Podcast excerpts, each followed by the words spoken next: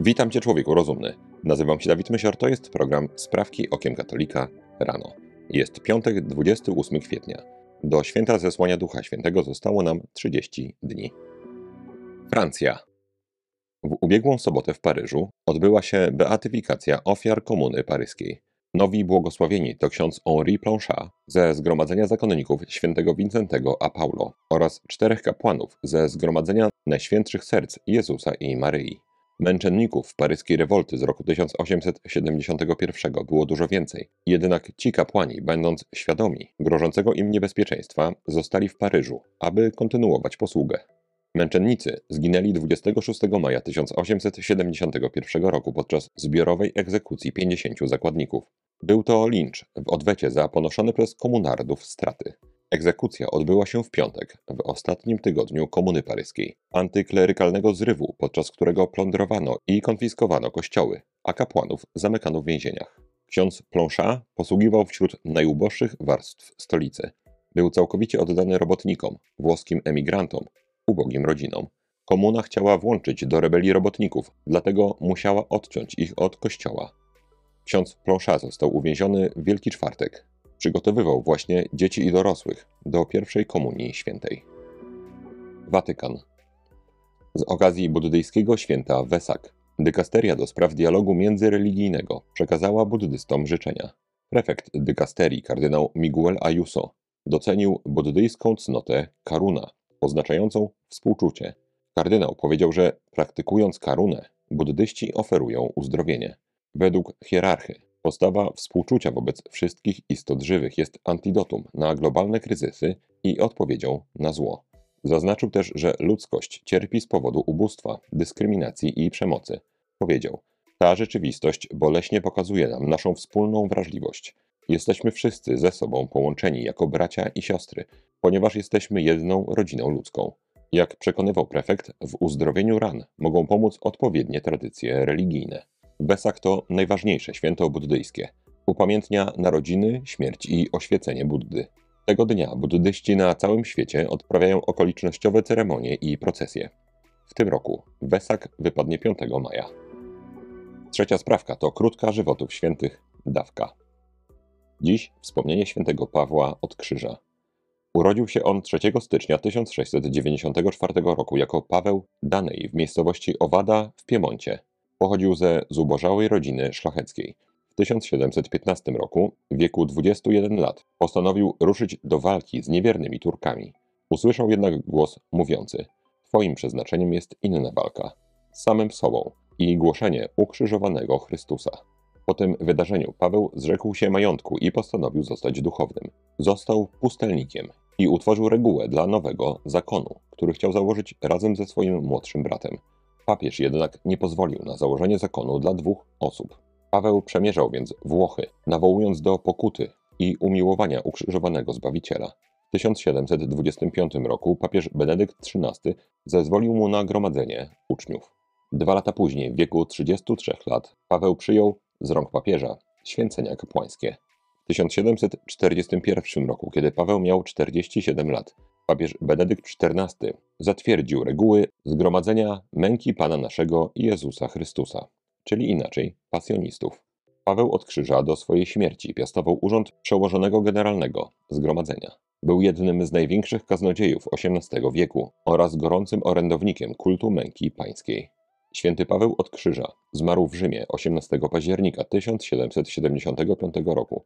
Został beatyfikowany przez Piusa IX w roku 1853. Ten sam papież kanonizował go 14 lat później. Egipt. Prawnik Mahmud al-Semary wniósł pozew przeciwko Netflixowi. Zdaniem prawnika, platforma nadaje treści sprzeczne z wartościami muzułmańskimi, zwłaszcza egipskimi, a także promuje afrocentryzm, który zagraża istnieniu egipskiej tożsamości. Poszło o nowy serial, w którym rolę królowej Kleopatry odgrywa czarnoskóra amerykańska aktorka. W pozwie mecenas Al-Semary domaga się od prokuratury generalnej wszczęcia kroków w celu zachowania egipskiej narodowej i kulturalnej tożsamości i skonsolidowania ducha przynależności do ojczyzny. Nie jest to głos odosobniony były egipski minister starożytności, archeolog Zahi Hawass, Uważa, że twórcy serialu usiłują zawłaszczyć cywilizację faraonów, promując pogląd, że należała ona do ludów południowej Afryki. Taka teoria jest popularna zarówno w południowej Afryce właśnie, jak i wśród czarnej społeczności w Stanach Zjednoczonych.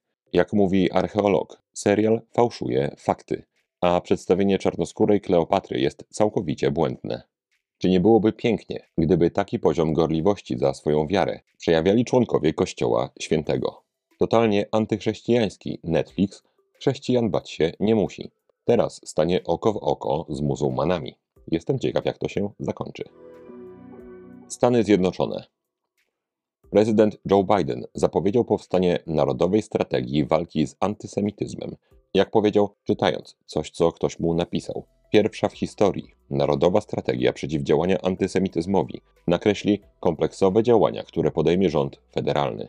Działania te odzwierciedlają wkład ponad tysiąca interesariuszy społeczności żydowskiej, przywódców religijnych, lokalnych urzędników i nie tylko.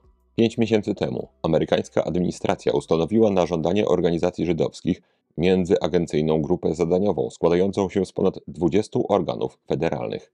Od tego czasu Biały Dom organizuje cotygodniowe spotkania z udziałem żydowskich przywódców, ekspertów akademickich oraz liderów biznesu i technologii aby informować na bieżąco o działaniach w ramach Narodowej Strategii Przeciwdziałania Antysemityzmowi. Pan Joe Biden przypomniał też, że podczas jego rządów uchwalono w Stanach Zjednoczonych największą podwyżkę środków na bezpieczeństwo żydowskich szkół, synagog i instytucji oraz zwołano w Białym Domu pierwszy szczyt poświęcony przemocy z nienawiści.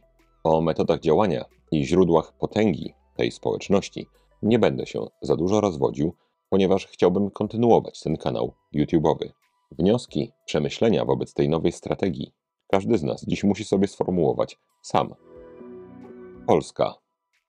Pan Jan Gienias, kierowca furgonetki Pro Prawo do Życia, został 5 kwietnia skazany przez Sąd Rejonowy w Gorzowie Wielkopolskim za jazdę w 2019 roku po tym mieście w ramach mobilnej kampanii informacyjnej Stop Pedofilii. Pewna aktywistka LGBT Poczuła się znieważona i zniesławiona i pozwała pana Bieniasa. Czy sama sfinansowała sobie koszty tego pozwu, uznajmy za pytanie retoryczne.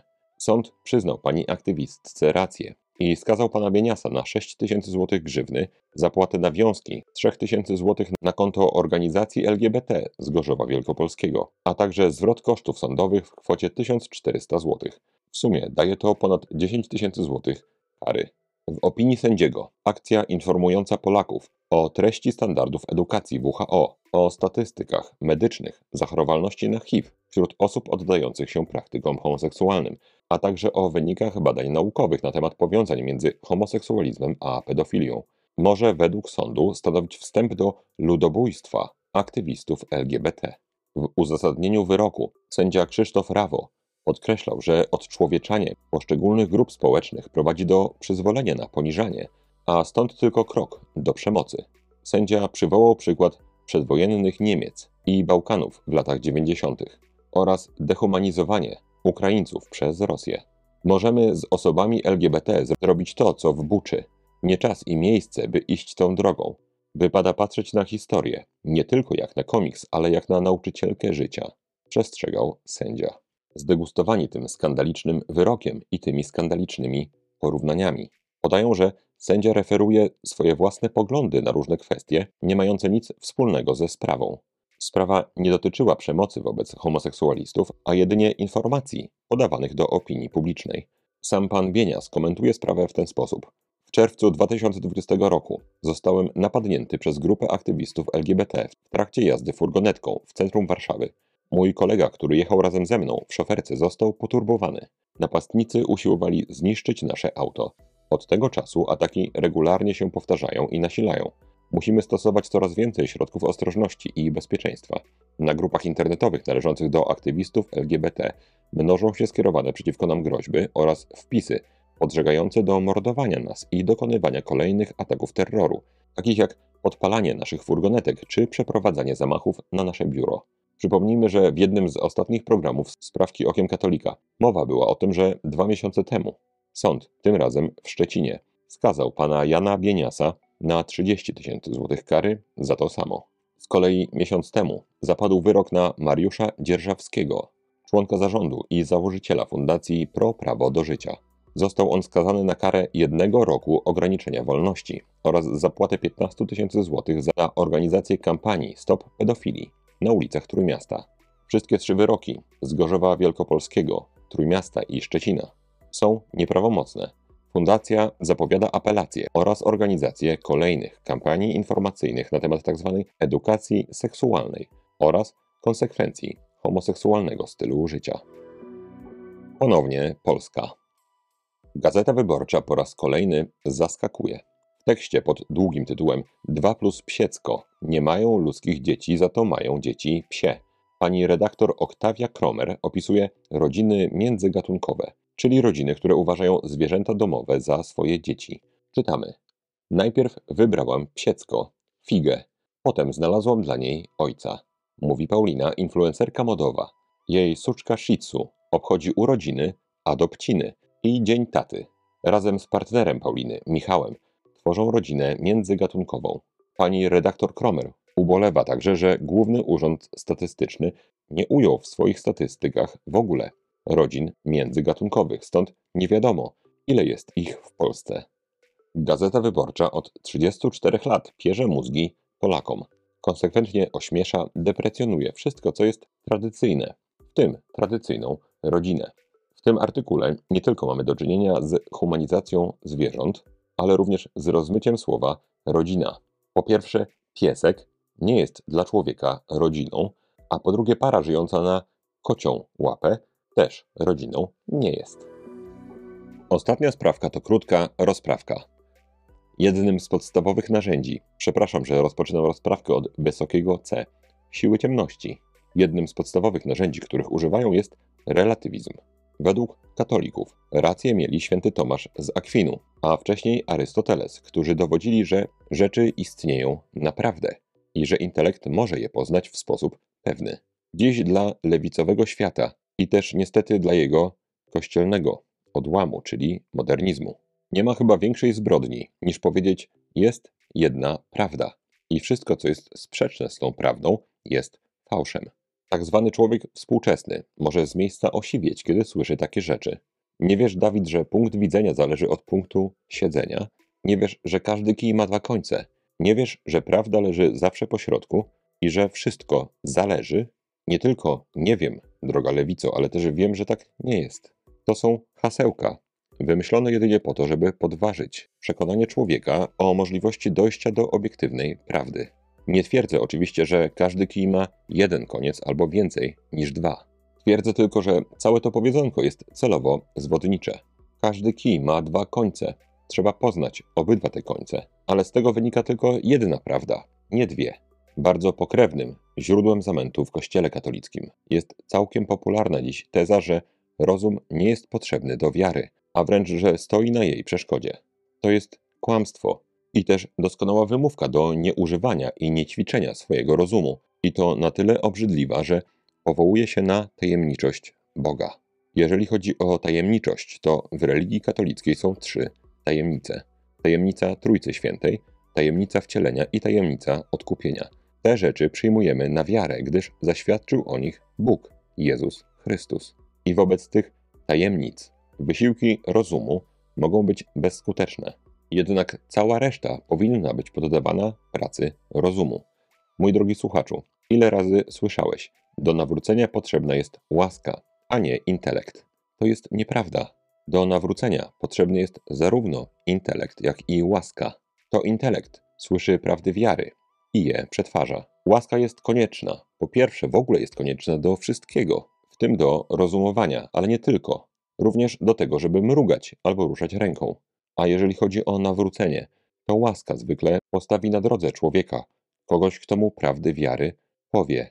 Gdy ten je usłyszy i zrozumie, wtedy znów potrzebna jest łaska, żeby zrobić ten ostatni krok i dzięki łasce przyjąć to, co w wierze tajemnicze, tajemnicę Trójcy Świętej, wcielenia i odkupienia.